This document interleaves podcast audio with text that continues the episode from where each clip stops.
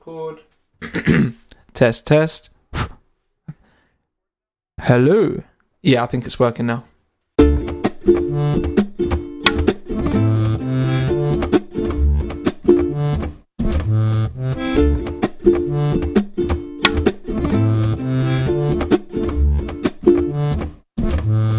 What's up, y'all? I'm Zach. And back by popular demand, I'm Mr. McSwiftface. Wait, was the demand popular, or was there just demand? there was at least one person asking me to come back on the show. And I think it was a countryman of yours, so I'm going to say there's collusion there. Uh, no. Yeah, one, of them was, Collusion. one of them was me. Wait, okay, you're definitely colluding with yourself. yeah, Uh, always. that that, that And- vote that's getting thrown out. that one doesn't count. Steve better not delete that. Uh, yeah, and as as you can tell, uh, you know, for those of you listening, Steve isn't here. He decided he would rather go hang out at the San Diego Comic Con, where he's probably not doing any sort of work. He's really just you know kind of hanging out, heading to the booths, uh, going to you know Hall H, watching all the new trailers. Oh. He's just probably having the time of his life, and he kind of left left us to fend for ourselves. Yeah, he's sticking. He's uh, fixing the Wi-Fi. Is, is what he said he'd be doing most of the day, which I thought would be entertaining. Yeah, yeah. I mean, I'm sure you know the Wi-Fi at a place like that is going to be uh, heavily used. So I I don't really envy him. Uh, but how how have you been, Ben? I've I've been great, thank you. I'm still looking for jobs, and I'll uh, I'll tell you all about that later. I have been down the gym in preparation for my honeymoon, like every single day, or sometimes twice a day, and uh, Well, no, no. You're you're married now. You don't have to go to the gym anymore. Take it from me as a as a married man. You don't need the you don't need the gym anymore. I, That's oh, that's man. the point of getting married is you don't have to do that I, stuff. I think kids are the uh, kids are the point in which I was stop I was stop uh, working out. I mean, I was my, my dad's my dad's in his oh god almost seventy, and I was doing like workout challenges in the garden with him today, like seeing how long we can hold ourselves up with our legs out, like planking, because he he goes down the gym all the time. And oh he's oh shredded. my gosh. So yeah, well, he he can out you know he can outlift me in just just about every single position. but I did win that one though. Man, remind me not to get on your dad's bad side. yeah, I mean, he doesn't have one, I don't think. He's just the nicest guy. He just loves working out and keeping in oh, shape. Um, that's awesome. yeah, so I've just been doing that, and I've been doing a lot of. Um, I've I've seen like this year, a few a few months ago, I really I grew loads of vegetables and loads of plants in the garden. So as I'm not working, I've just been spending a lot of time deadheading and trimming the rose bush, and you know, it's really nice to be away from screens and just to be out and you know having bees around me and stuff, having a bit of nature.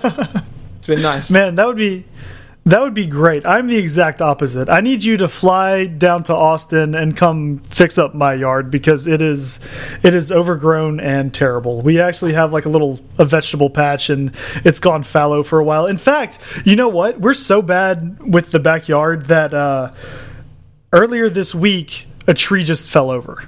it just I was I was working in my office. I went to go let the dog out. I opened the door, and the, the tree. I mean, it's, it's about half of the tree, right? Like the tr the trunk goes up and it splits, Yeah. and half half of that split, half of that fork fell over, uh, just out of nowhere. Like it's not like it was cracked or or rotting or. Uh, That's hilarious. dying or anything. It's a healthy tree. It just fell over. So I, I had to call the arborist, and he came out and said, "Oh yeah, it's a you know Bradford pear, and they only live about twenty years anyway. So we're gonna have to take the whole tree down." So you are growing vegetables. You're contributing to Mother Earth, and I'm actually hacking down the trees that I have. Ha- hacking without Swift. Um, Hacking, hacking without hacking with chainsaws. um, so, what have you been up to? Have you, you have you finished all of your kind of back end weird stuff and back into development now? Yeah, actually, we got our first couple of uh, fully automated tests that, or fully automated flows with that database that ran without me touching it, and everything looks to be functioning perfectly. We're gonna have a release coming up uh, in a couple of weeks, maybe one week, and um, we'll see. That'll be the real test. Right, like once it once it hits uh, TestFlight and our beta users get it, and our QA gets like a, uh, a quote unquote for real um, testing scenario, Yeah. then we'll see where, where the bugs are, right? Like, because everything up till now has been kind of contrived. Um, we've Yeah. we forced it along and massaged it and been able to prop it up where it needs it, but you know it'll be able to to kind of go on its own soon. So you can, if you set it up so you can create a build and it will go to Jenkins and then Jenkins will run to make sure everything builds and runs correctly. That's kind of what you set up, is it? Oh, I said I've set up my Jenkins job to run at midnight every day, so it does it all on its own. It's all completely hands off for us. Nice. That's awesome. Well done. Yeah. Yeah, well, thank you. Thank you. Again, we'll see where the bugs lay in a little bit. yeah. Time will tell. And speaking of buggy code, now is a good time to bring up our sponsor sponsor for the podcast, Sentry. Now, Sentry exists to help you put out a better product. Uh, as a software developer, especially if you're an, an indie software developer and you don't have the uh, resources around you to help test your code, it's it's hard to put out something that you know and you can be sure is going to work 100% of the time you're going to hopefully have more users of your app than you have testers, which you know is typically yourself and maybe a handful of other people. Um, you know, you always want to have more users than the people that are looking at it before it gets to them. And because of that, your users will use your app in ways that you can't even imagine, right? Like the other day, I saw someone using my app uh, upside down, right? They, they flipped their phone upside down and there was a problem with one of our constraints and uh, when they they turned it right side up again they pushed a button and everything crashed well i got to see a crash report and because i got to see that crash report i got to go out and fix that constraint before it uh, became a larger problem. Now sentry is a tool you can use to help you get that crash report. It's an open source framework. You can add it to your ios android or even web code right? Um, It'll inform you when your app uh, misbehaves or there's an, a crash or an error. You get email alerts, and there's even a dashboard for you to quickly go in, take a look at. You know, maybe you have maybe you have hundred crashes, say, but 99 of them have happened once to one user, right? But then you have one top crash that has happened to 100 users. You know where to spend your time, and uh, what is going to be the highest impact for you moving forward. Now, it's free to get started, but there are plenty of premium features that do cost a little coin. Uh, the good news is we've got a promo code for you that you can use if you'd like to start using those premium features. If you're new to Sentry, you can go to sentry.io and enter the code Fireside Swift, that's all one word, to get a $100 credit on your account. And we would like to thank Sentry again for sponsoring Fireside Swift. Uh, so Ben, we got a little follow up last week. Um, I'll go ahead and start, and you know you can jump in where you feel like it. Okay. Okay, cool. We heard we heard from Joe Cab. Uh, he said that he wanted links to the KFC explosion and the McDonald's sign falling in the show notes, and that we disappointed him. Yeah, so do Um, I. Oh, where, do, where can I see I- it? You know what? Steve's not here. We can just blame him. Uh, I'm- I'm also, Googling uh, Google Google is a thing that exists. Again, the McDonald's sign won't be there, but the KFC explosion should be. oh yeah, access denied. Oh, I'm sorry. It's only American Google that gets that. You can't see our KFC explosions.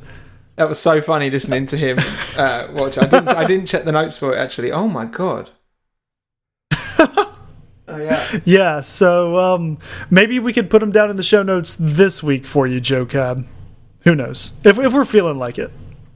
Yeah, maybe. Uh, we also heard that uh, our good buddy Caleb Numbers is what I like to call him uh, is actually at Master of None Dev on Twitter. Um, Caleb is the one that suggested our, our show topic a couple of weeks ago. And so he is still out there. He is still listening. He then asked if we had ever thought about creating stickers. He wants to actually rep Fireside Swift on his laptop, which is incredible to me because I'm not a sticker guy, right? Like, I keep my laptop pristine. Um, what, are, what do you do? Ben, are You- you a well- sticker guy or do you keep it clean? Um. Oh, you know what? I, I was thinking about iMessage stickers. Oh, I wasn't thinking about yeah. sticker stickers. Um, actual stickers. No, I don't. I, I no. I'm, not. I'm not a sticker guy. I'm afraid. Yeah, it's it's funny. There seems to be like a, a, pretty hard split. Either you don't do anything, or you sticker your your laptop so completely no one can actually tell that it's a, a MacBook. Yeah, I mean, I, am quite jealous of those people. I think it looks pretty cool actually when they've got them all and they've collected them at different conferences and things. Mm -hmm.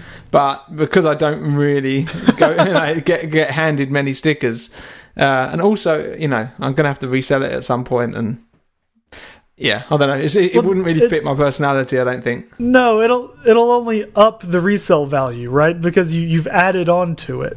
There's probably like you know, thirty cents worth of stickers extra on top of this fully yeah. now customized MacBook Pro. Two thousand five hundred and thirty cents. uh, exactly. But um, would you though? Is that something that you're looking at? Ha uh, creating it? We've talked about it. Um, it kind of blows our minds that people want to do it. And you know what? Steve and I just need to get together and sit down and, and get it out. Because if, if it's something people want, we do want to give it to you. Um, cool. And Ben, we fully expect you to put a sticker, one sticker, on your laptop. uh, just, yeah. just one. Can I get a Mr. McSwift face sticker along with the Fireside Swift one? Well, I'll uh, I'll customize yours. It'll be a good I'll, sticker I'll as well. The badge. Yeah. oh, thank you. I'll say two two Mr. McSwift face love Zach. Oh, and then I'll just I'll ship it overseas to you. That's wonderful. Thank you. uh, we heard from Mr. Emmy Posa. He said he was happy to see Steve's segue abilities get acknowledged. Um, yeah, time. last week was Steve's Steve's automobile segue, and uh, that's actually one of his better ones, which I think is saying a lot. I, it was good, yeah, um, yeah. Um, I mean, he. Go ahead. I think he. Well, I think he wants me to try and uh, take over from him today, but I don't know how well I'm going to do. But I'm going to give it my best shot just for Steve, in honor. you know what? If if you feel too uh, too overwhelmed by it, I can I can try it. I can I would do that for you. I'm not going to do it for Steve. Forget him. He gets to segue everything himself. But Ben, if if you want me to segue, I'll do it for you. Oh my god, I'd love to hear you do one. Actually, uh, okay. So after after follow up, I'll I'll do the segue for you. How oh, about that? That'd be awesome. He's he's going to be disappointed, but I, you know, oh yeah. You know I'm what? He's he's he's enjoying Comic Con. He can be disappointed for a little bit. He's yeah. he's so good. he's just resting. Uh, yeah. Screw that guy. Uh, I mean, I didn't want to say it, but sure. Um, we also heard from at Ben G from the LPC, and he asked, uh, and I had a very interesting question. He asked if we had to watch a WWDC video over and over again, and the more it watch it, the more you watch it, the more it makes sense. So, you know, do you watch W dub dub videos more than once, and the more you watch it, does it make more sense to you? Well, yeah. Uh, Oh my god. Okay, so protocol oriented programming in 2015.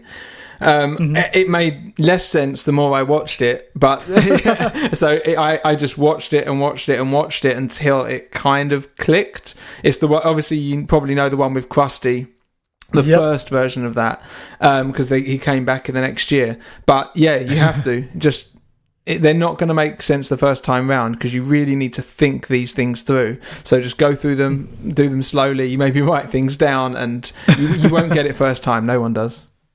Nope, and I don't either. And it's it's funny that you pointed out that protocol oriented programming one because that's one that I keep going back to. Right, like yeah. it's still it's still a good resource, and I I watched that probably uh, three or four months ago when I was looking at really uh, protocol. Yeah, because I mean, it's it's nothing that they said back in 2015 has really changed as far as the protocol oriented programming like uh, paradigm goes. So well, it's they, still valid information.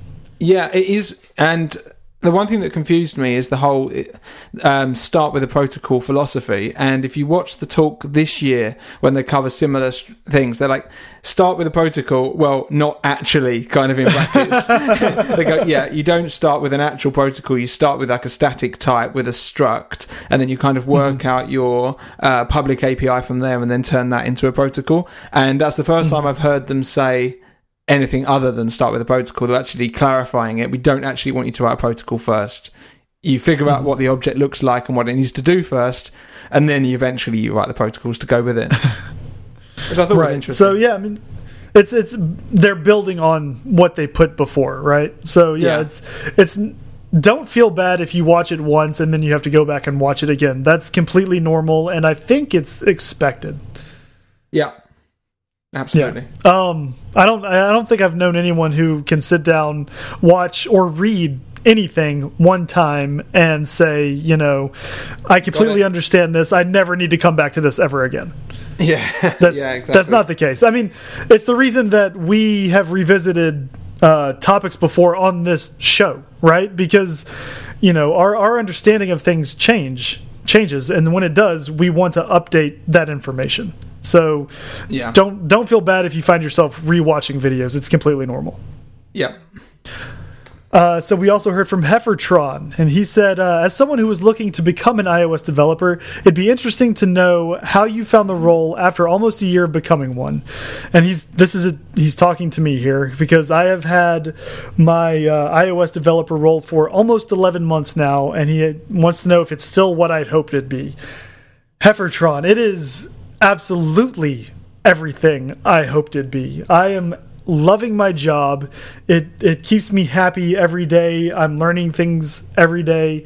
Uh, I get to work on an app that a million people use a month, and you know, it's me and just one other coworker. So being able to have that kind of high impact on a code base that is going out to that many people, um, it, it, it's fulfilling, right? It keeps me satisfied, and uh, I'm happy to know that I, and in some way, I'm making people's lives better. Hopefully, right? Like there are people who download the app and just dislike it, and that's fine. I'm expecting that, but there are other people who download the app, they find what I'm doing valuable, and uh, it makes me happy, right? Um, I know that there's this intrinsic versus extrinsic sense of, of self worth, and uh, I'm I'm really intrinsically motivated, right? Like I don't need a lot of people to to tell me I'm doing a good job to feel like I'm doing a good job, but it doesn't hurt to hear from other people say that you're doing a good job, um, and you know, a lot of people no longer use computers as they did 5 10 15 years ago right uh, i feel like i'm on kind of the cutting edge of the future as i'm developing for phones tablets and now with catalyst macs themselves and and you know i think uh, ben and i are going to get into that a little bit later maybe in the after show Yeah, very possibly. We would we we would not know at this point what we're going to talk about. we no that is going to be in the future uh, we'll see what happens then okay are you, are you ready ben Uh, oh god, yeah, I've just realised. yeah, go on. Here we go. All right, I got. I have to center myself. Just give me give me a moment. Here we go. Yeah. So Ben, So Steve, wait. I'm, I did it that well. I did it that well that you called me Steve. Okay, I'm Oh, going to take that as a compliment. Yes, Zach is what I meant. So Ben, you know you know that large urban city you live near. What uh, London, right? You're you're you're in the London area, right? I, I'm in, yeah, kind of in the surrounding areas of London. Sure, sure. And then London, it's got a uh, it's got a big water feature that that goes through it, right? What is what is that again? The- It's got a big a big river, right? The, the river, yeah, the River Thames. Okay, yeah, Oh, yeah, yeah. And it it kind of it cuts through the city, right? And it it goes past the the London Eye and Parliament and, and and Big Ben. And uh what, what is it? What is it called when a river does that? Um Uh, do you do you oh, remember? man. Oh, It's it's moving, it's, moving. It's flowing. the current is oh yeah yeah flow flow exactly it's flowing right? So now let's say i wanted to uh, create an app that had this river object in it right? So it would it would have like a flow property right? And say i didn't want anyone else to be able to to set that property right? So the only thing i could do with that flow property is um, if i'm not setting it if it's just read only what is it again? Getting. uh, get yeah so you would get your flow property and uh, be able to see which way that river was running yeah. um, and, and speaking of, of get flow i think that's a good segue into what we're actually going to be talking about this week which uh, which would be which would be a branching strategy for Git, uh, known as Git Flow. Git Flow. yeah, that was good. I mean, I, I, was I was wondering where you were going to go with that because Git. I don't know if you use it as an insult in America, but over here you might call someone a Git. Yeah, no, we we don't. That is mainly uh, relegated to the Harry Potter novels. Yeah, ah, so you are familiar, and I was that's where we, I would we, have gone with it. I think. Yeah. Oh, see, yeah, no, that that wasn't the first thing that came to my mind. no, that was awesome. That was that was actually really good. I, yeah, well done. Hopefully, it wasn't. Hopefully, it wasn't too good, and people don't expect that of me. Oh, going, because take, I, I just I feel dirty now.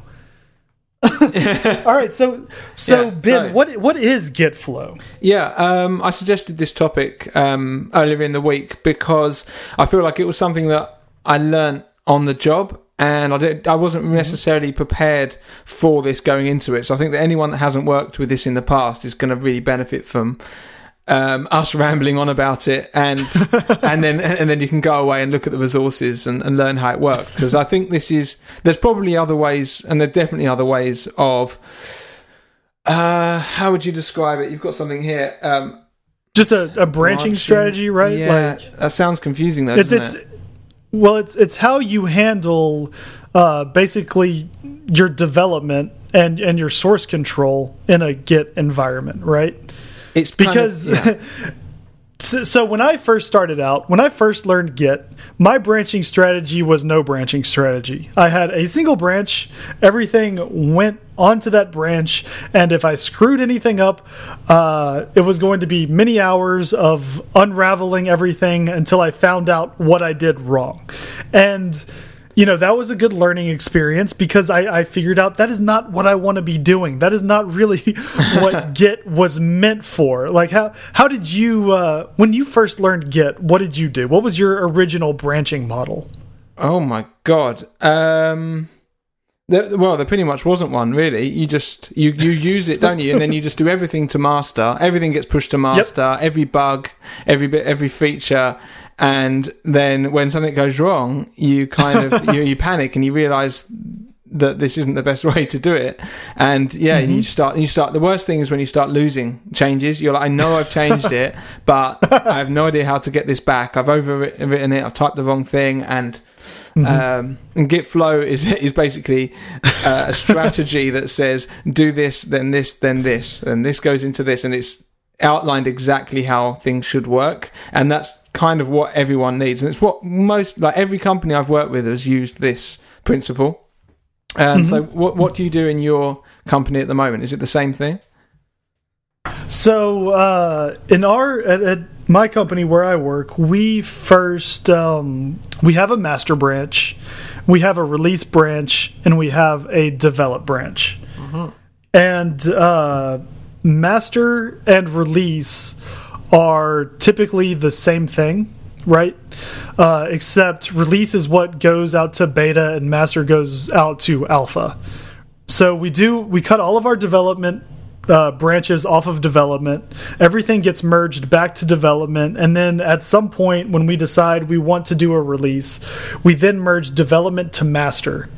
And what that does is it kind of protects the release branch, right? Like the release branch is the clean branch that is our current production version.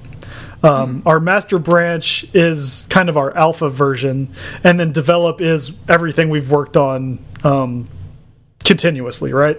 Yeah. And so once our alpha goes out to our our alpha testers and everything looks good there, we'll merge that into release, and then we'll start a beta off of release. And then once release gets finalized, we tag it and then we make sure that uh, if we had any bugs that we actually, you know, merged back to release, we, we merge everything back into master and back into to tend to develop, and it kind of catches everything back up, and then we go back off and develop again. Wow, I think I see this is going to be quite a difficult thing to talk about in terms of all, all of the branching and the uh, and the terminology involved. Sure. But it sounds yeah, like you well, do Git Flow, but with some slight differences in terms of what you've looked up. Is that right? So a few things are different. Yeah, yeah, that's that's pretty much it. I mean, it's it's like the foundation of Git Flow, yeah. and then it uh, it just has a couple of you know customizations that we've found worked for us. Yeah. Um, and this is, you know, when I said we found worked for us, this was the uh, Git strategy they had when I started working there. So I don't know really what they did to evolve to this current situation, right? Yeah. Um, but if, if anybody is interested in learning about just kind of the basics of Git, we talked about that on episode 11. So way, way Whoa. back, uh, nearly nearly two years ago. Um, you can go back, listen to that. I'm sure uh, I'll have a lot more to add if we go back and revisit it. But this is more of a specific branching strategy conversation we're going to have today. Yes, yeah. I think so. Should we? I think it'd be best then to start at the at the very basics of the fundamental branches that you have in place. Um, That anytime you use Git Flow, you're going to have these what five or six branches. Um, Yeah. So yeah, tell me about it. well, the main one. Um, so you have your master branch, which you always have. Now, as far as I'm aware, in terms of the research I've been doing into Git Flow, is that you don't actually really that that uh, master branch. It gets uh, working builds pushed to it from your release branch, and it's not really touched. You don't make builds off of it. It just gets it, it just basically keeps track of all the most of every single release. That's the only pushes that ever go to it. Is that how you work? Or maybe Oh. potentially a, a fix. Um, but Yeah. most of the time, I mean that's yeah, that's that's pretty much what we do. Yeah. yeah. So yeah, if if so, you'd ha- you'd always have your master, and that's all it's ever used to. So no one pushes to master unless there's a release that is finished and it's tested and working, and then it goes to master. Um, you do all of your work on a develop. Well, you don't do your work on a develop branch. You create a develop branch off of your main branch, so it's got everything that your current release has in it, and then your job is to add uh, either like all of development is just adding features or bug fixing, really. And um, so It's true. It's you very true. would, y- y- yeah. People ask me, well, "What did you do in your last role?" "Oh, I was bug fixing and adding features. and the one before that, yeah, much of the same. Um, Yep. so yeah, so you have your develop branch, but you don't merge you don't merge your own work. There's a few things that I wanted to talk about here, and one of them is that you don't merge your own work into develop. Um, unless you're on your own, of course. But if you're in a team, um, you have to create a feature branch. So you, you've got your develop with the latest release version. You make a new branch off of it to say, I'm working on login screen, for instance, and you mm-hmm. do all of your work. And what I never, what I, what I always used to do wrong was create a pull request. So for people that aren't used to Git, that's when you're saying, okay, I would like you to pull, I would like all of my changes that I've just made in this branch pulled in to, I don't like the terminology, but pulled into the develop branch. I think it should be pushed, but Sure. um, yeah. So pulled. Yeah. I mean, well, I mean, it's it's funny, right? Like you push your uh, local Git repository out to you know something like GitHub and a branch out there, and then I guess it has to. Yeah, I, I agree. I agree. It, it gets a little confusing with all the pushing and the pulling. Yeah, so you create a, a yeah, what's known as a pull request or just a PR. You have your feature branch. And you say, right, I would like to put all of these changes over into the develop branch. Now, f- yeah. So first of all, if you're not on your own, you shouldn't be allowed to. You shouldn't be allowed to push your own changes in because you should have a code review. If you this isn't part of Git Flow, but you should do it anyway. Um, you should Yeah, always. this is have- more of a, just a, a best practice, right? Like you want another set of eyes on the code you wrote because, as we said earlier, you don't write perfect code. No, and uh, and yeah, we I in my last place we used to in, my- in the best place that I've worked in terms of code reviews. Everyone on the team had to look at it. So every iOS developer, I mean, there's only like maybe three or four extra eyes, Oh. but individually, Wow, I was, wait, I was about to say how many, how big was that team? Is only Yeah. three or four other developers? I think yeah. So if uh, in terms of iOS there was, so I think ideally yeah, at least two separate people. If they, if you have that many people available, can read your code and individually approve it. We did it before, all sitting around one screen before, and that didn't work because only one or two people were engaged. but when you're forced to do it and then put a thumbs up on yourself, you actually have to read through all the code. So And now, when when you do, this is gonna be a little tangent. When you do a PR for someone else's code, are you also smoke testing it on a device, uh, do you mean a, or like are you a just code looking review? at the code? Oh, Yeah. Oh, um, So, like, say, say I had a, we have a, an app that has a login feature, and we found a bug with that login feature. So, I created a branch off of develop. I fixed the bug. I submitted a PR to you for that fix to go back onto develop. Uh, when you get that code review, you you look at my actual code that I wrote. Then, do you also run the app to make sure that the code that I wrote didn't break anything, or do you save that for a, a later like QA step? So, well, the, the best the best place I worked, which was when I was working on the Domino's app, um, is how I would recommend doing it. Which is so it comes to me to approve. I'm one of Mm-hmm. a few people that have approved, and I will. So we only really. So everyone code reviewed it, but one person, as a rule, would uh, check it out. They'd build it. They'd run the tests. They'd look at the ticket, and they'll make sure that it does what it said it was going to do.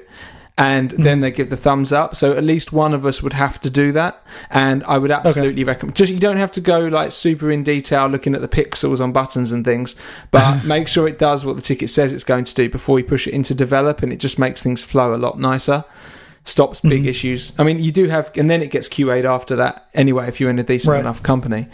Um, so hopefully that's what you guys maybe. Uh, are you on your own? Who? Uh, how many? Do you do? Do you do something Yeah. like that? I've got I've got one other coworker, and we do uh, you know whenever a, a PR comes to us, we review the code and we also make sure we run it on a device. Nice. And then after after that and everything looks good, um, the person doing the PR actually does the merge back onto develop, and then uh, that develop then runs a Jenkins build that uh, creates an IPA that our QA tester then goes in and puts on his device to test. Nice. So the QA the QA tester actually tests it like three different times. Is, is that not via? Do you use like TestFlight or uh, or something like that? Oh no, Jenkins! It's just part of our. It's just a. It's just a, uh build artifact um, for our Jenkins build, our Jenkins job. But they have an Uh, app so it'll. that allows them well, to no, download the IPA. Well, they they go in, they get it from the Jenkins server, and then they they actually download it from there, and then move it onto their device. Uh, they do use a special app. I can't remember the name of it Is it because I just Hockey- I Hockey typically app was one of them. I think I No, used what- one of those. No, it wasn't. It wasn't HockeyApp. It was something else, and that was just to get the IPA on their device. Uh, I typically just drag it. I connect my device to the to the uh, computer, and then I drag it over to um, iTunes, and I load it from there. God, But I they don't have a even know what special- you're talking about. I've never done that before. What, yeah, to, to install yeah, yeah. that? No, if you if you have the yeah, if you have the IPA, if it's not already installed on your device, uh, you can when you plug your device in and it launches iTunes, you can uh, navigate to the device in iTunes and then drag the IPA over to that device, and it'll load it on the phone or Wow, I- tablet. yeah, I had no idea. anyway, yeah, there you go. So that's that's how. So he kind of he does a QA on a pre-alpha, and then he QAs the alpha, and then he QAs the beta as well. So we get a lot of testing done on our on our fixes. That's awesome. Yeah, that sounds Yeah. great. Um, yeah. So right, where were we? So yeah, you created your ah yeah, I remember. So you've created your develop branch. You've gone off it. You've created a login screen, and now you've made a pull request to come back in. Now, Mm-hmm. one thing that I had that I learned at Future Platforms, which I probably should have known anyway, is that you don't merge your changes directly into develop. You first get develop and merge it into your feature branch. Oh, so Yes, that's that's a very good distinction that I did not say a minute ago. so it, yeah, it's something that I never used to do, and he was like, "You should do this because then, yeah, you can resolve. You do all of the merge conflicts at that point, so you know it's going to merge. You're all great. Develop is now fully up to date with your fe- uh, your feature bla- branch is now fully up to date with the latest changes in develop, and then you merge it in, and your pull request will then only be for the relevant changes, and you know that it already works. So th- I think that yeah, that's an important uh, distinction to make. Right, and especially if the the branch you cut off of develop to do your fix or your feature, um, if you worked on it for a week or two, right? That that week or two you have your your branch and you're working on it. Stuff is going back onto develop behind you. And so Yeah. there could be changes onto develop that actually affect the changes you made. You just don't have them yet, right? Because uh, when you make that branch, you get nothing in the future, right? Like Git doesn't know the future. essentially. Yeah. Um, and so pulling develop back onto your branch gives you a chance to make sure that you know anything that happened to develop won't affect your changes in any way, or if it does, you have a, a safe spot to actually make the the fixes. Yeah, yeah, exactly. And um, I have nothing else to add to that. I was just, just, look, just looking. Uh, Skype says my mic's muted, by the way, but I think I should ignore that. Uh, yeah, no, I can I can hear you. You're good. Yeah, that's a bit odd. Okay. Um, anyway, moving forward. Um, yeah, so um, starting from the start, it, uh, you've got your master branch. Make a develop branch off of that. You do your login feature from there. Finish the feature. Merge develop back into your feature branch, and then your feature branch eventually make a pull request to go into your develop branch. Um, and your pull request should just be just the changes that you made for that feature. And if all is well and good, enough people will look at it, give you the thumbs up.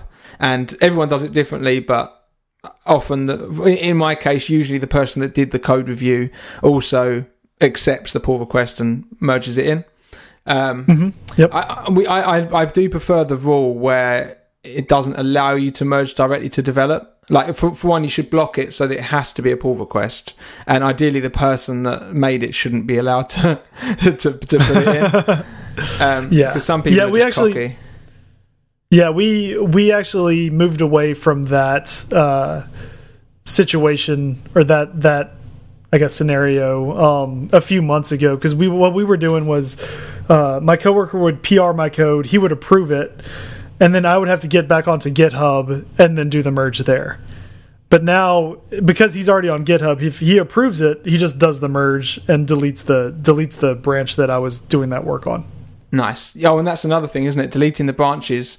Um, Yeah, you need to clean up after yourself. Yeah, there's a tick box in GitHub that, that will do it for you. So you know when you merge it in. But I've had it in the. I've done that before, and I completely blitzed a really important branch and couldn't get it back. um, uh, so like someone like our team lead went for lunch, and there was two working branches. When he came back, one of the major ones had completely gone. Oh, that's just- a fun feeling. So, Yeah. okay, let's talk about that. What'd you do there? What, how did you uh, fix it? I don't know. I well, no. Basically, I was panicking. I knew I did something wrong, and I panicked and pushed the wrong buttons, and I merged something into somewhere that didn't exist or something like this, and it just completely messed it up. And I had a bunch of people rushing around looking at it, typing commands in, and just eventually we just gave up. We're like, look, all the changes are now on this main because we had a phase one and a phase two branch, and when they came back, it was like we've only got a phase one now. The other ones completely gone. Sorry. Um, yeah, I Uh, don't you know. can start over with phase two anyway. Let's finish phase one first. like when you panic, you just push button. Like you kind of go right now. I need to do Oh, this now. I need to do this, and you're not really in the, in the right frame of mind to be thinking about the branching and things. But yeah, yeah, no, the it's it's true because it can be you, you panic. Um, Yeah. especially if it's if it's a branch that you've done a lot of work on and that all of a sudden disappears. yeah, That that's really scary, and that's one of the things that something like GitFlow protects you from is because you know everything is hopefully compartmentalized in such a way that hopefully if you do make a big mistake it's not going to be on master. Or, or you're not deleting develop right? Like if, if you make a mistake and accidentally delete a branch you're more likely to accidentally delete uh, you know uh, a bug fix branch or a feature branch which still isn't great like you still have to go back in and, and do that work again but it's not you know blowing up all of the code that you had planned to release in a week yeah. I mean, we should say I think that I think if you delete uh, branches, you can still at least for some time. I believe you can still get them back. Um, Yeah, you have you have some window of time to restore them in GitHub. Yeah, whereas what I had done was completely, I'd done something that made it completely impossible to get back. I didn't lose any work in the end, um, but what I think what happened is that I'd accidentally, and, and this is how strict I am. I think I'd not code review it, but accidentally accepted it and pushed it in, and I was like, "Crap! Right, I need to. How do I get? How do I get this back out?" And then I selected the wrong branch from where it needed to get back out, and somehow it got confused. And well, yeah, sometimes I I confused it and blew it up. Um, so yeah, and just be careful. It's it's it's real easy to uh, get confused with Git, right? Like Yeah. if you have this normal flow and you're used to doing it, once you do hit an issue, like there was something I did uh, a couple of weeks ago where I made a commit and then I made like three more commits on top of it, and then something broke, and I realized I needed to go back a few commits, and so you know there's a, a handy thing um, in SourceTree where you can say you know reset to this commit, and then I did that, and then I kept moving forward. That was my first time to ever use that reset to commit function, yeah. so I thought everything was great, right? everything was working, and I, I did a PR, and uh, my coworker looked at it, and he was like, "Yeah, no, we're gonna have to basically." untangle all of the commits and go back in and like cherry pick. Uh, and this is yeah. all jargon. This is all Git jargon. If you go back and listen to episode 11, we kind of cover it there. Um, but yeah, I mean, it was like an hour's worth of work just to put everything right again.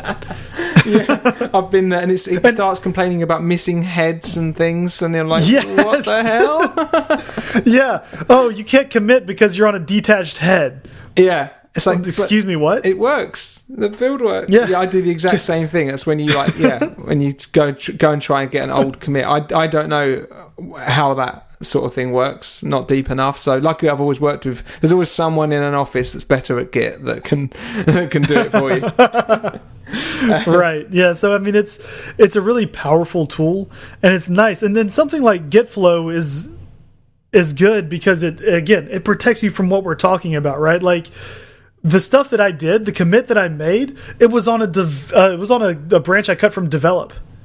So because it was on a branch I cut from develop, guess what? I could cut another branch from develop and then move the commits I actually needed over to that branch and then delete the branch that I had really screwed up. Well, yeah. And I was able to move forward without like having to redo all of my work. you lost me a bit there, thankfully, but that's Git. That's... Thankfully. Okay. Yeah, that's good. mm. um, okay, so, yeah, so the moral of the story is just be really careful what you're doing. Um, yeah. So, okay, so right, we, we've basically, we've effectively covered feature branches, um, which is the which is the main like foundation of how, where you'll be doing most of your work. You'll be branching off a develop, doing some work, and merging it eventually back in. Um, Mm-hmm. Occasionally, you'll, I don't know if you do this, occasionally we'll do one where you have a feature branch and then you'll branch off of the feature branch with, let's say, two people are working on the login screen at the same time. You'll create one mm-hmm. feature branch and then people will branch off of that and then merge into that back yes. into the yeah, we, we we've had to do that actually to um, integrate this sign in with Apple button we're going to be putting oh, yeah. in our app um, because because that work is so enormous right like we're both going to be working on the same uh, type of thing at the same time and it's, it's, exactly what you said we cut a branch from develop for sign in with Apple and then uh, we have the whole epic dedicated to signing with Apple, and so we'll grab tickets from that Epic. And a ticket is basically some unit of work that needs to be done to finish an overall project. And sign in with Apple is the overall project, but instead of having one person do the entire thing, it's being split between myself and a coworker. And so we both use that quote unquote sign in with Apple branch as kind of the branch that we move all of our work for signing with Apple back onto and not develop. Uh, yeah, I, yeah, that's right. I was just wondering though. This is going off in an unfortunate tangent, but isn't signing with Apple like made no, super no, super simple? No tangents. No tangents are unfortunate at Fireside Swift. okay, then they're all needed. I would like to know how um, signing with Apple is two people's work because I thought it was just like a really small, quick implementation. How, how it it is the actual implementation of sign in with Apple isn't bad. It is the impact it has on our current login process and uh, the design work oh, okay. that needed to be changed. Um, that's funny. Getting the actual button on there isn't going to be a problem. It's it's all nice. the stuff that the button brings with it, right? Uh, are you uh, putting it on top, following the HIG? Uh, we actually we are. We're gonna Yay. have. Um, we're, when we're going to have, in fact, we're not even going to show any other uh, sign in options. Um, we don't even really need to put in sign in with Apple in there because we don't have any third party sign in uh, type of options yet, or we never had. Right? It's always first party. It was always just us. Oh, okay. Um, we re we really like the idea of signing with Apple though, and we think uh, some of the issues we have are with people who don't make an account because we have a guest type service you can use on our app right. um, but it's it's limited functionality, right? And so we'll get reviews from people saying that they can't set an alert, say. And Yeah. uh, this set an alert feature is only for people who have a uh, an account. But these people didn't go in and make an account. And even though we say, you know, you can't do this unless you have an account, sign up for an account here, and we have all of the, you know, flashing lights, and we're trying to push them to go do that thing, not all users, you know, take the hint, right? It's just it's just Yeah. what happens, and then they'll end up complaining, and they'll they'll write into our customer service uh, group and say, why can't I make and uh, why can't I make uh, an alert? Why can't I set an alert? And we'll say, well, you have to have an account, and then that becomes its own terrible process where you know you have to walk them through that. And and again, creating an account isn't that difficult, but it's one more step, right? It's more friction before they get what they want.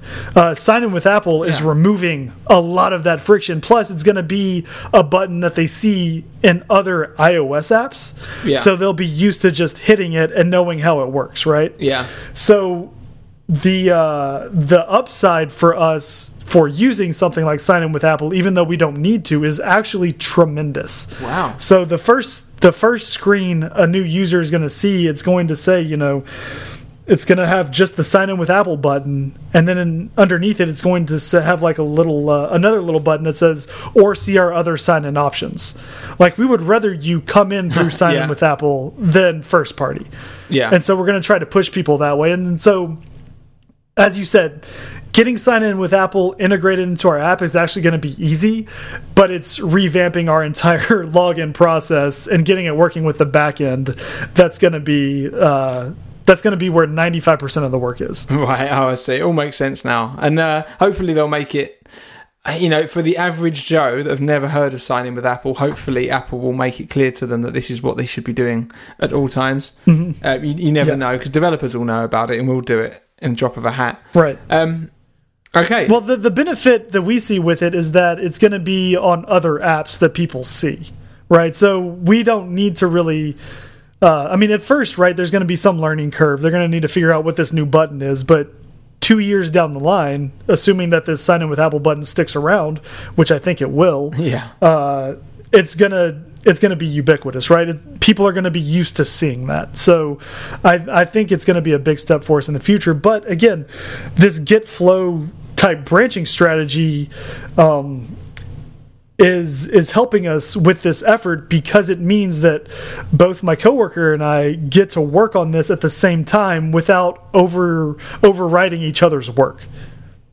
Um, yeah, so yeah, you've you've actually been doing day to day the perfect example of why this is so good to be uh, to to implement, I guess. Yeah, exactly. So where are we? We've right. So we've done master, develop, feature branches. I think Yep. either release or I guess release is the next uh, Yeah, let's- branch. Let's talk about how Would, we would you like to? Would you like to talk about the release branch? Well, I mean, I, you know, I- I, I kind of gave my overview to what we do for release earlier, and it sounds like you have a different uh, release philosophy, and I'm kind of interested in hearing what that is. Well, I don't really know the. I, I never really dealt too much in the release uh, release build side of things, so I only know kind of the best practices in terms of releasing, um, which I presume that they kind of followed. So you would have your develop branch, and let, and all of your work's finished, so you're good to make you're you're ready for it to go and be QA'd. So mm-hmm. you branch from the develop branch and push it all in to your you have a single release branch and you push it into that. And that's where the qa testers are able to get their builds from and mm-hmm. they can test it from there. Now if they find a bug you don't then go back to develop. You do a hot fix and you branch is this right? Uh, as far as i'm aware you you branch off of the uh, release branch with a hot fix branch back into well and then merge that back into the release branch. And then right. you well have to because keep- because you you could you could get in a, into a scenario where um you have you want to do a release, but then you've used develop, you've merged stuff onto develop that aren't that isn't supposed to go into this release. It's supposed to go into the following release, right? And so that's why you need to branch off of release to make sure that you're not pulling in any unwanted uh, unwanted features that are slated for a future release. Yeah, and those are called um, hot fixes for that. So yep. that'll be your kind of hot. You make a hot fix branch, you fix what you need to do, put it back into release, and then that release branch uh, will then be tested again by QA and so on until it's ready to go. And I believe most people make their builds then from that release branch once it's good to go, once it's been approved. Um, mm -hmm. I think yep. so. And then you would. So, so that's all gone out. It's, it's been released to the App Store. You would then get the release branch and push it to master and tag it with that release number, like 1.1.1, mm-hmm. and then you would get that release branch and you push it into develop. And yep. then you would just carry on. So then everything is up to date. You have a master that just keeps track of your uh, releases, and you've got the release branch, which is the releases plus all of the hot fixes that have had to go into it. Um, mm-hmm. And that's yeah, that's what I consider a release branch for. I think that pretty much covers that. Yeah, no, that, and that's good. And then the other benefit of having a release branch is, uh, you know, say your app was released on Tuesday, and on Friday you find out that there's this terrible bug in it that's crashing your app, right? And you need to put something out extremely quickly. Um, you can then just pull or you can branch off of release basically do what you did before but then you know use release to actually create another release as opposed to again yeah. going back and getting and trying to do everything off of develop and trying to bring everything up to a point where you can fix the issue that's out there in a timely manner. Yeah, and yeah, and as you said, if you if you get developed, someone might have worked on that.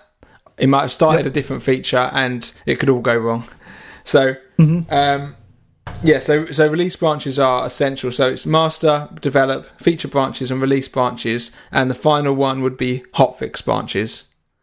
Mm-hmm. And I think yeah. that's basically it. And if you Google image this, people can see there's lots of different interpretations in terms of with, arrows, and it clearly shows the, the flow and how things go back and forth. And there are little differences, like they're not all set in stone. Some people might make their uh, their actual builds off of master, for instance. But as a rule, mm-hmm. what we how we've described it, I think, is the general best practice.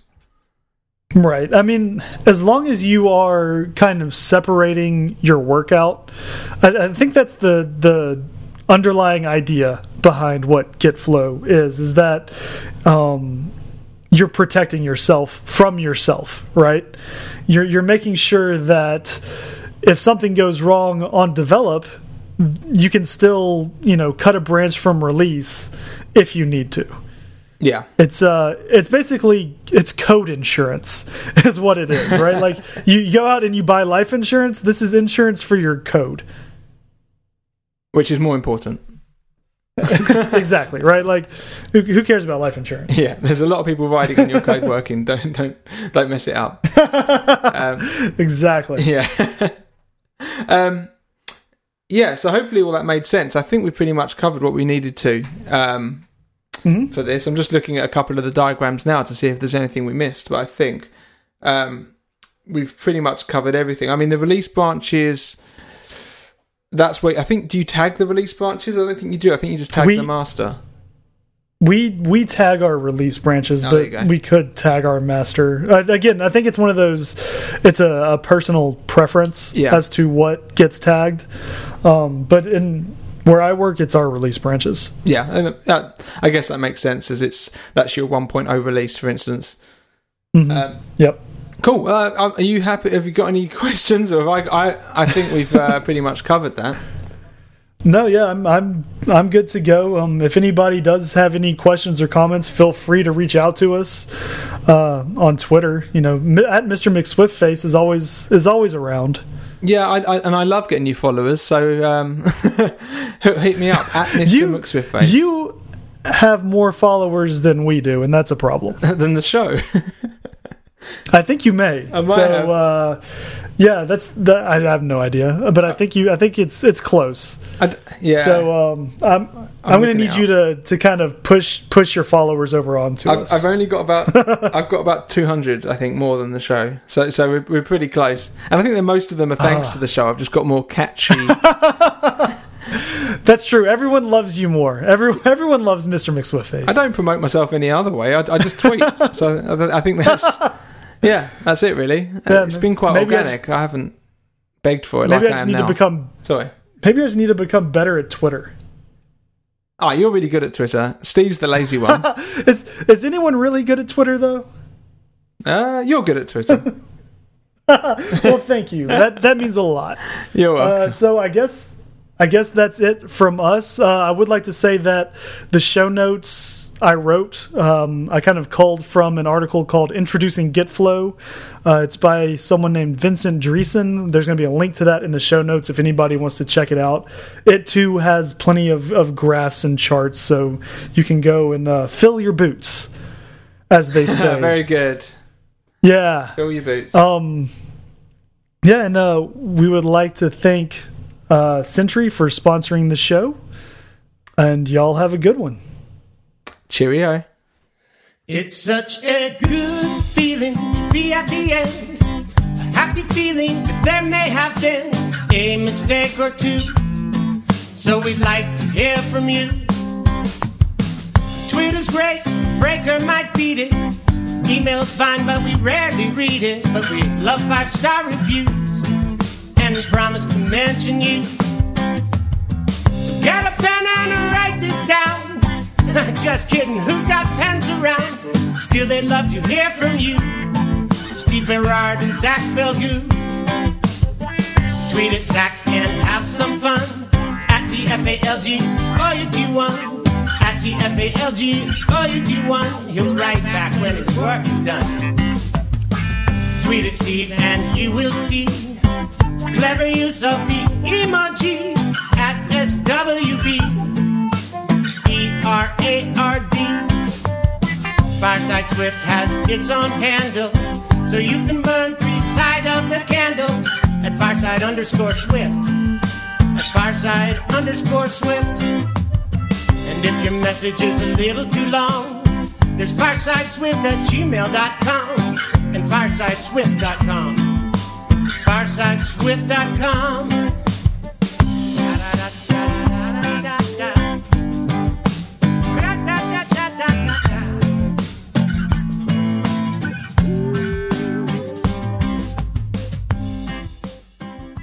All right. So how how have things been for you over over in uh, England?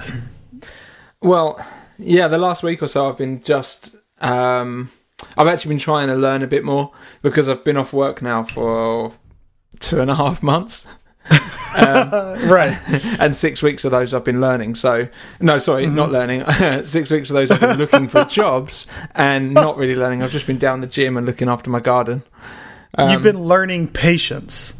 I have been learning the art of patience, and yeah, that's it. It's it's trying not to just accept any job that comes my way, and Mm-hmm. trying to get one I actually want to do. If I'm if I'm going to take a permanent role, I need to go for a job that I really want to stay in. But if it's a contract, Mm-hmm. I'll just take anything um, because it doesn't matter. You're you're out of there in three to six months. Uh, but at the moment, there aren't any contracts, so I'm just yeah biding my time. Really, just applying for literally everything that comes up. So the contract scene just kind of dried up where you're where you're at, right? Yeah, but apparently the financial year ends. Um, so it ends in April. So people have money. So April, May, Oh. June, everyone gets contracts. July becomes really competitive because everyone's finished their contracts and people don't have money anymore.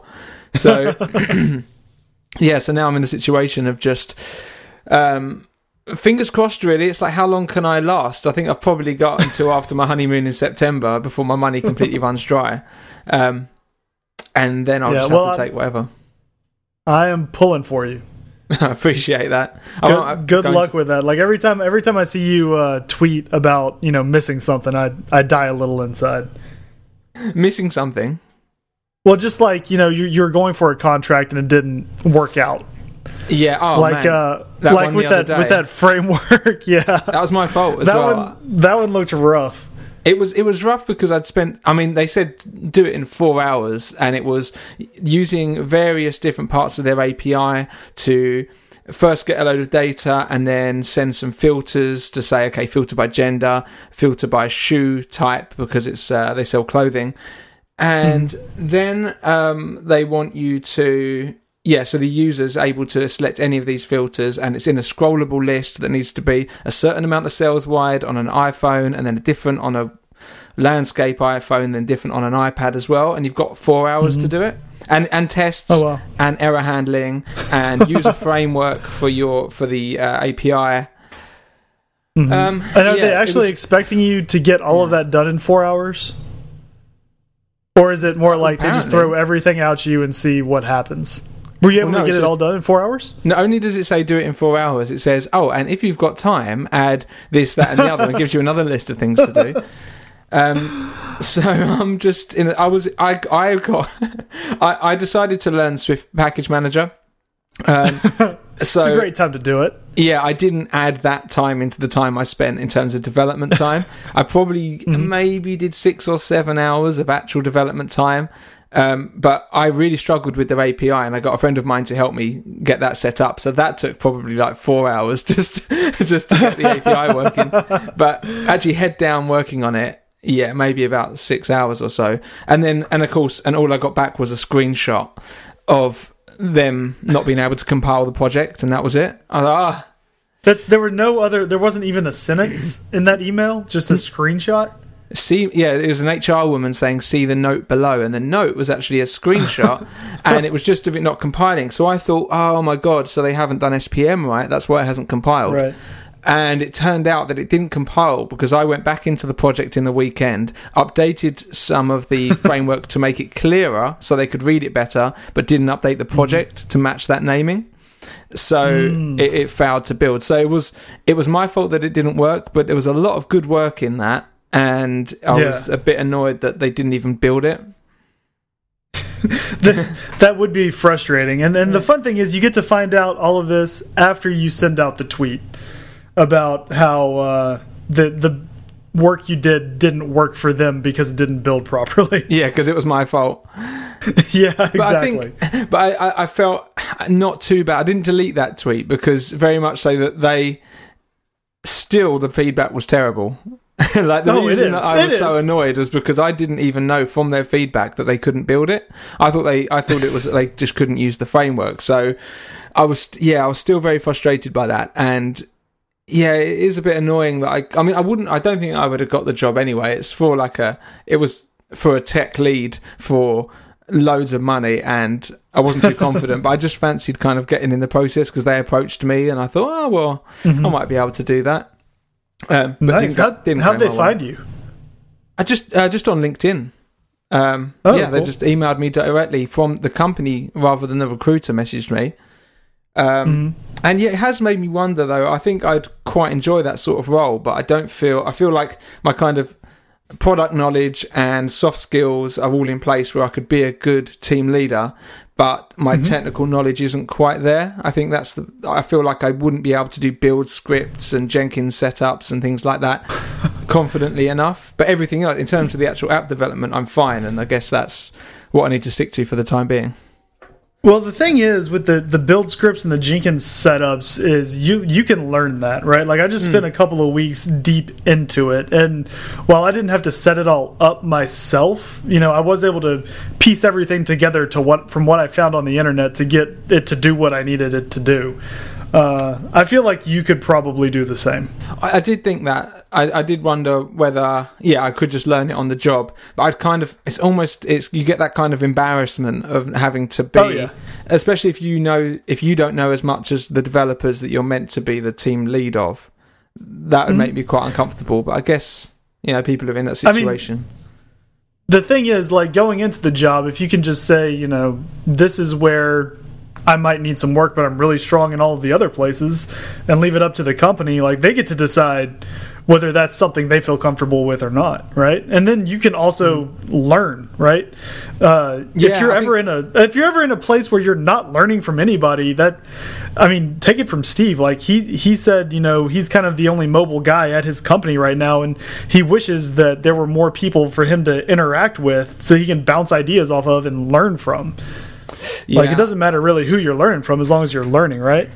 Yeah, that's a really good point. When you're on your own, I, I tend I tend to turn down jobs where I'm on my own doing an app from scratch.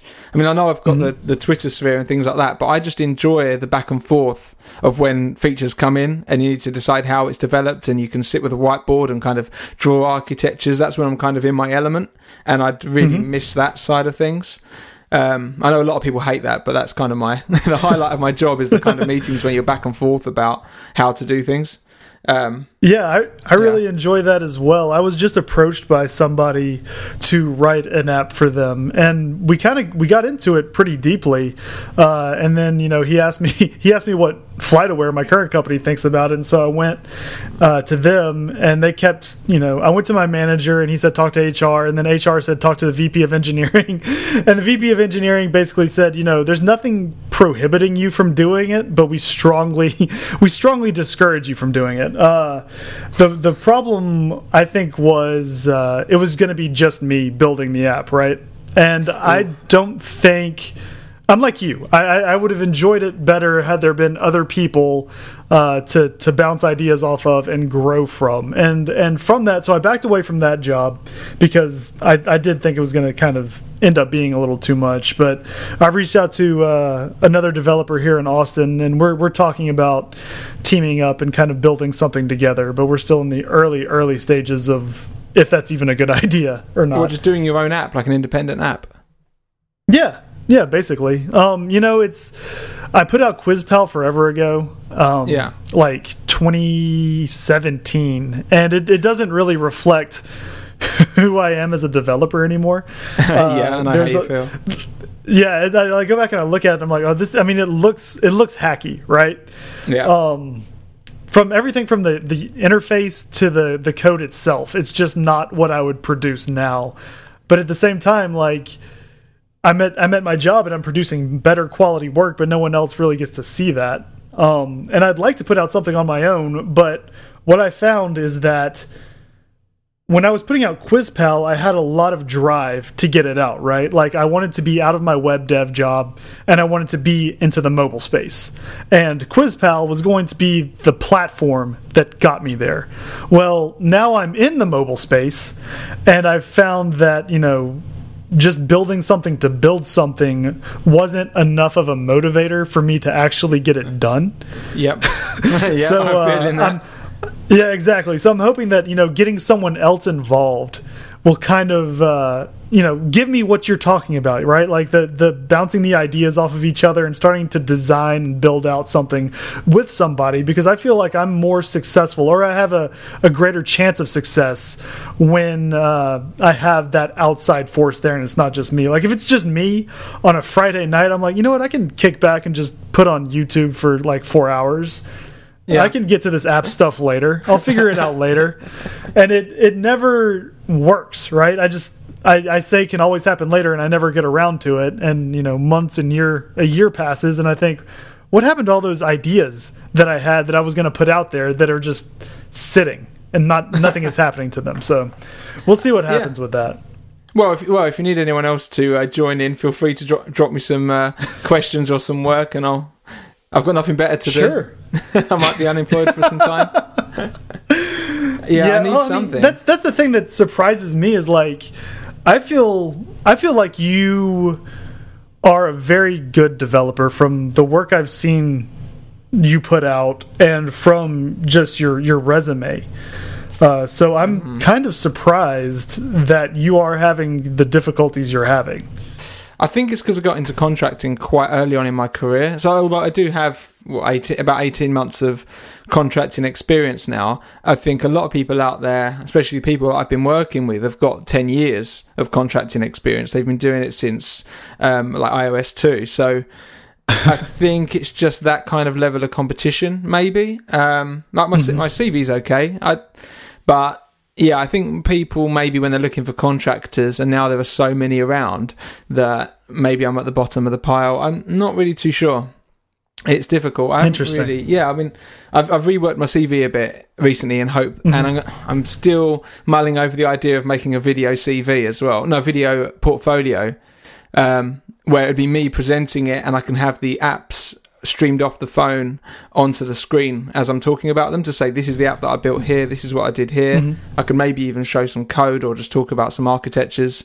Um, but I think that's not- a fantastic idea. I I feel like it, it, it, in principle, it's a good idea. I think, but whether or not the effort will be worth, I don't. I don't know if anyone will ever look for it. People tend not to ask for portfolios over here. They kind of glance Oh, at your okay. experience, and I don't know if they would look at my experience and then even bother looking. But I might do it. It's still, we'll see how things go. Well, it kind of comes down to you know the effort. Is the effort worth the potential reward? Right. yeah, So yeah. how how long would that take you? Well, I'd also have to build, rebuild all of my old projects, which and almost none of them build anymore. Okay. So So- so quite a bit of effort. Yeah. Yeah, I tried getting one of my first projects up, the one that I used to sell, and I couldn't even get it to build, and I just gave up after an hour or two. So I don't, I don't know what I'm going to do. I mean, I let my developer license um, with Apple expire because the card was out of date, and I thought, well, I don't have any apps that I want on the store, so I don't even have apps to show on the App Store anymore. Um, Yeah. but I shouldn't necessarily need to. I just go, look, I've been working on the Domino's app and CrowdScores. They've got millions of downloads, millions of users for months and months, and that generally is okay. But yeah, maybe something might come up on Monday. I've actually got two interviews on Monday, um, but they're both for permanent jobs, and I'm a bit hesitant about permanent permanent roles at the moment. You just like that freedom. I like the freedom of contracting and, and and of course the money. I've got a lot to pay for at the moment. But the the appeal of, of there is a massive appeal for perm in that if you find a job you love, you get to stay in it. Like, I had mm-hmm. to leave the company last year after absolutely loving every minute for nine months, and then I had to leave. so I've contacted them again, saying that let me know. I maybe would consider a permanent role with them because it was such a great working environment. So Do they do they have uh, contract to hire type contracts over there? Because a lot of Um, the stuff I see over here is you know we'll take you on for three or six months, and then at the end of that term, we can extend an offer of you know permanent employment. I don't know if they have it. I, I've never really come across that, but I have had lots of offers for permanent roles while I've been working. So m at the end of most of my contracts, pretty much they will take me on permanent if I say I wanted to. But the general contracting mantra is that you just don't do that because they're and they're basically getting you for half the price. Um, Yeah, but yeah, I think I might, and maybe next year I might start doing some permanent roles if I can. If I find a company I love, I think I'd like to stay there. Really. Yeah. Yeah, so is that of the that the is that the plan? Like eventually uh, move over into something permanent and and stay more stable. Yeah, probably. I think it'd be nice to not have to keep doing roles that I don't really enjoy in, in companies that I don't like. I mean, I can I can see the allure of, Yeah. of not doing things you don't want to do in places you don't want to do them. yeah, so yeah, so I'm having to go through those questions in my mind now in terms of what permanent roles I really want to take. Like, well, the one of the ones on Monday, I looked at their Glassdoor, which is the review website, and they've got like mm-hmm. 3.5, and there's engineers complaining about the teams and things. And I'm thinking, man, I know you don't have to stay in it forever, but I don't want to start a permanent role and leave after a few months. I'd kind of feel bad doing that. Um, So I don't know. I'm just gonna have to. They're gonna have to sell themselves to me. I think permanent roles, as a, as opposed to the other way around with contracts. Right, and I've I've seen you know Glassdoor is kind of uh, hit or miss from what I've seen out there. Um, there are some companies that have really good ratings that are actually kind of crap to work at Right. after speaking to some of their employees like face to face. You know, not That's on the internet. Uh, and then there's some there are some companies that end up with with crap reviews, and it's usually like the smaller ones that uh, they don't have a whole lot of wiggle room. And then when they fire an employee, the employee immediately gets online and retaliates by posting a, a low Glassdoor score. Yeah. Um, when a Yeah. lot of the employees that are satisfied working there don't think about going on and posting a score because a lot of people tend and I mean you know this from just from the app store in general right like people tend to leave reviews when they're really upset Uh, Oh, yeah. it's it's harder to it's harder to get someone to leave a review when they're happy, which is unfortunate. Yeah. But it's really really easy for them to get a to leave a review when they're really angry.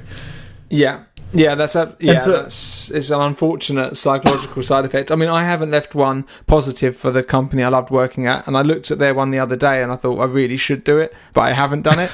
but my previous company that I really didn't like, I left a, a very scathing review of.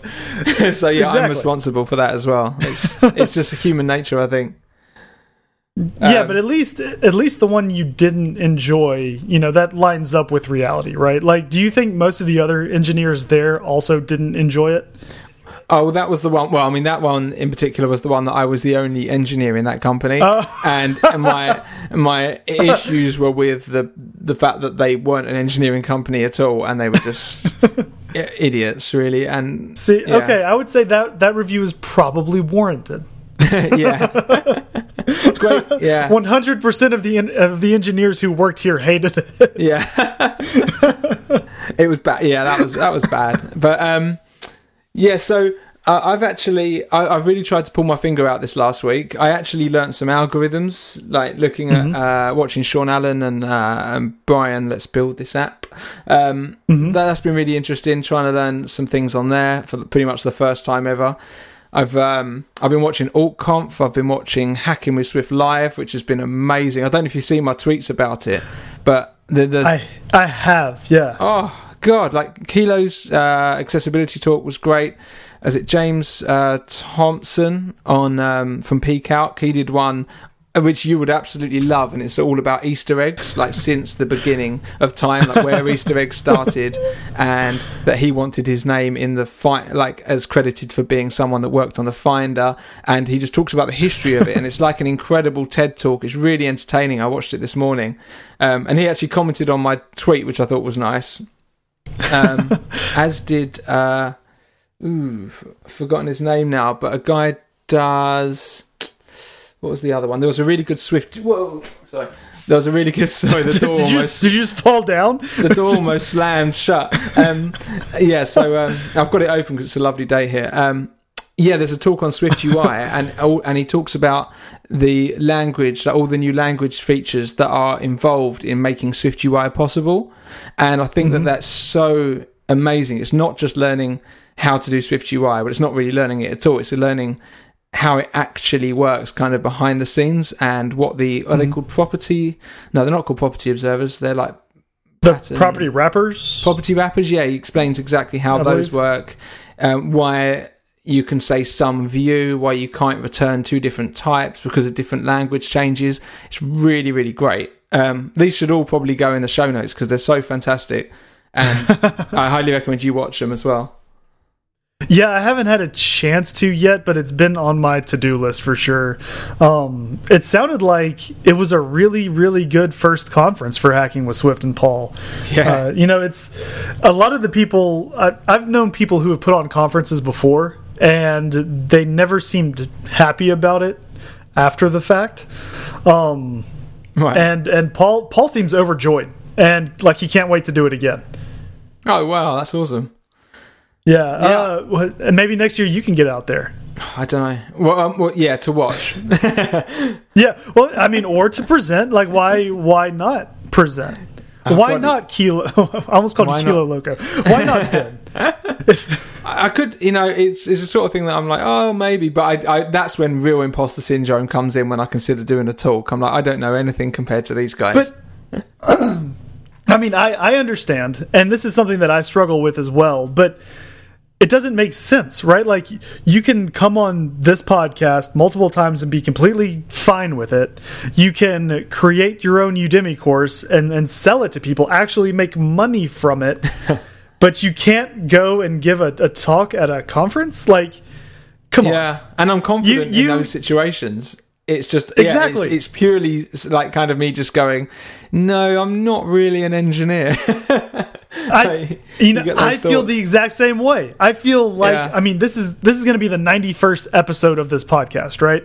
We've been doing it for almost two years, and I still don't feel like I could give a talk at a conference. Yeah. Like I do it on a weekly basis in front of a microphone in my office, but for some reason getting up and actually being physically in front of people changes my mind. Yeah. Like I'm not allowed to do it. Other but if I'm hiding like if I'm hiding in my house, I can do it.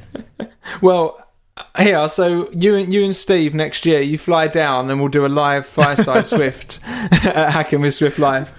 That would be that would be something. Live Fireside Swift uh, at Hacking with Swift Live. We'll have all of the Swifts, all of the lives. We'll have special guests. Paul Oh, Swift and over coffee can we can be guests on Swift over coffee. We could be. It could be Fireside Swift over coffee, and just to be a Oh, crossover. Yes, I mean they they do you do own them anyway. It's true. It's true. You know, it's we haven't actually exercised any of our license licensing agreements uh, yet. Well, it's about time. as far as yeah, it might be. It might be. We've been giving them a lot of uh, a lot of leash. Maybe we can pull them in a little bit. Oh, it'd be, that would be so cool. Um, yeah. I would I would absolutely love the opportunity to get up on stage with Sean and Paul and Steve. But like so that's you're you're talking about imposter syndrome. Holy crap. Sitting up there with those guys? Oh, but that could Man, be the that would- topic. That would feel so out of place. Like what? Uh, that's the that's going to be the topic. Uh, Sean, Steve, and Paul sit up there and talk, and Zach just kind of huddles in the corner, hoping no one sees him. No, we talk about imposter syndrome. It'll be like, right, so now we, we can all discuss this out in the open with all these other developers around. And because we've been doing it, like, P- Paul has been doing it, I don't know actually. He did uh, hacking with, I don't know if it was Objective C originally, but he's been going a long time. Uh, Yeah. Sean started when I started. You didn't start that late. I mean, if you had apps out in 2017. Yeah, I mean it was like Swift three point something. oh, really? Okay. I'm, But I'm, I'm yeah, a 1.0 but like boy. again, again, like I, I didn't have my I didn't land my job until last year. It's been about eleven months since I've had my job, and like that, getting the job has really boosted my confidence. But it's still like I'm waiting for them at my my job to realize that they meant to hire someone else. Uh, wait, this is we didn't mean Zach. God, are you kidding me? And then like you know, get rid of me and then bring in bring in who they actually wanted there. Um, and you know, I know that's not true, but there's just something about it. Like, I guess it's doing what I love and enjoying doing what I love. Right? It almost Yeah. feels too good to be true. Like I'm waiting for someone else. Yeah. Right. Yeah. Exactly. Exactly. So, I don't know. There's a whole lot of, of psychological issues behind all of this that uh, I just need to work, work out because you know what? I'm good enough. Yeah, I- I, think it's just every because everyone's in the same boat. You know, impos- imposter syn- syndrome is a thing, and I'm sure Sean and e- and even Paul think the same as we do Yeah, a lot I- of the time. I'm, I'm sure they do. And the great thing about Paul is he's so down to earth. Like, no one should feel like they don't belong when they're around Paul Hudson. Um, Yeah. At least, you know, the, the interactions I've had with him, he's just so, like, he's what a community needs to become a great community right like he he brings people together but yet stays very humble and is you know he pushes for beginners to get what they want like in the end i think paul just wants everybody to be happy yeah, it does come across that way, and and not a lot of people come across. I, I haven't met too many people that are otherwise in the community or that are well known in the community that don't want every like don't want similar things. There doesn't seem to there don't seem to be too many arseholes in the Swift in the iOS development. you might you might meet one or two just on the road, uh, working at their desks moaning about things. But generally, if you're in the community, they all seem to be super nice guys, like John Sundell and all of that. Mm-hmm. It's great. Yeah, no, I, I agree, and it's it's a it's very nice to be a part of that community. It's you know one of the reasons why even with my imposter syndrome, I felt comfortable enough to to put out a podcast because the community is so welcoming and just kind of open minded and. Uh, a lot of people are beginners, right? Because, and I think part of that is because Swift is so new compared to other programming Yeah. languages, right? Like, it, it almost feels like you have permission to be a beginner. Like, when I was first learning Java, holy crap you didn't i did not feel like i had permission to be a beginner at all. Um, you know i was talking with people who had been studying it for like just in college for four years and here i was kind of fresh looking to get into computer science and they would start talking about frameworks and linked lists and how you build Oh. x y and z and i'm just like my eyes would glaze over and i would think i just i'm not cut out for this right? Like this is what i need to know to be successful when that's not actually the truth it just felt like it because those were the people i was surrounded by and that's not the case with the swift community Yeah, I think yeah. There's always even and even in the Swift community, people are quite honest in that we don't tend to do things that aren't necessary for the job as much as other languages. I think yeah we we don't spend our time. I mean, some people do and they love it, and it and it's necessary to have really fast, slick algorithms working behind the scenes.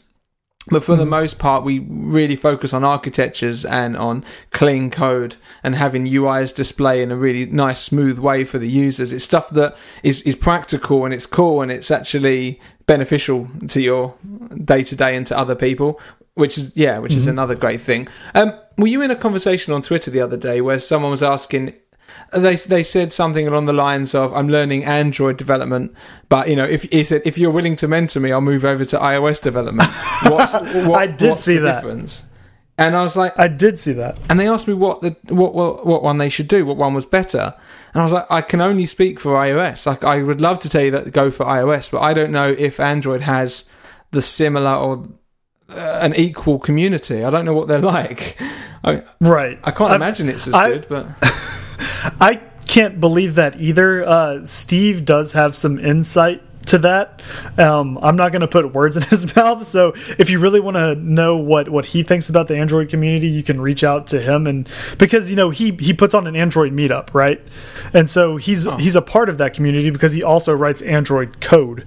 Um, but unfortunately, he's not here right now, so uh, I can't really give you that because I've only really experienced Java web development, which was kind of ridiculous, and it, it feels like there's it's, it's a community that's been around for so long that people have become stodgy, if that makes sense.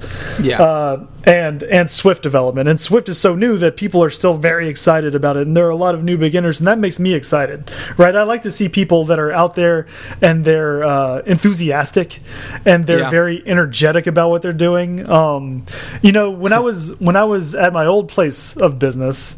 Uh, they would send people out to the big Java One conference, right? And I guess like Java, the Java One conference in San Francisco is tip kind of like our WWDC analog. And uh, they said they had like a couple hundred thousand people at the conference. And What? I don't know how big Dub Dub is, but I don't think it's that. That's crazy. You know, this was like this was like a you know a couple week long conference or something, and so they count everybody. Like if you go f for a day of the week or two or however it went, or if you went to like the all of the uh, what are they called? Like the courses that happen before a conference. Whatever workshops. labs If you go to the and- workshops, yeah, oh, right. yeah, in the labs and stuff. If you go to any of that, then they counted you as you know a uh, a conference attendee.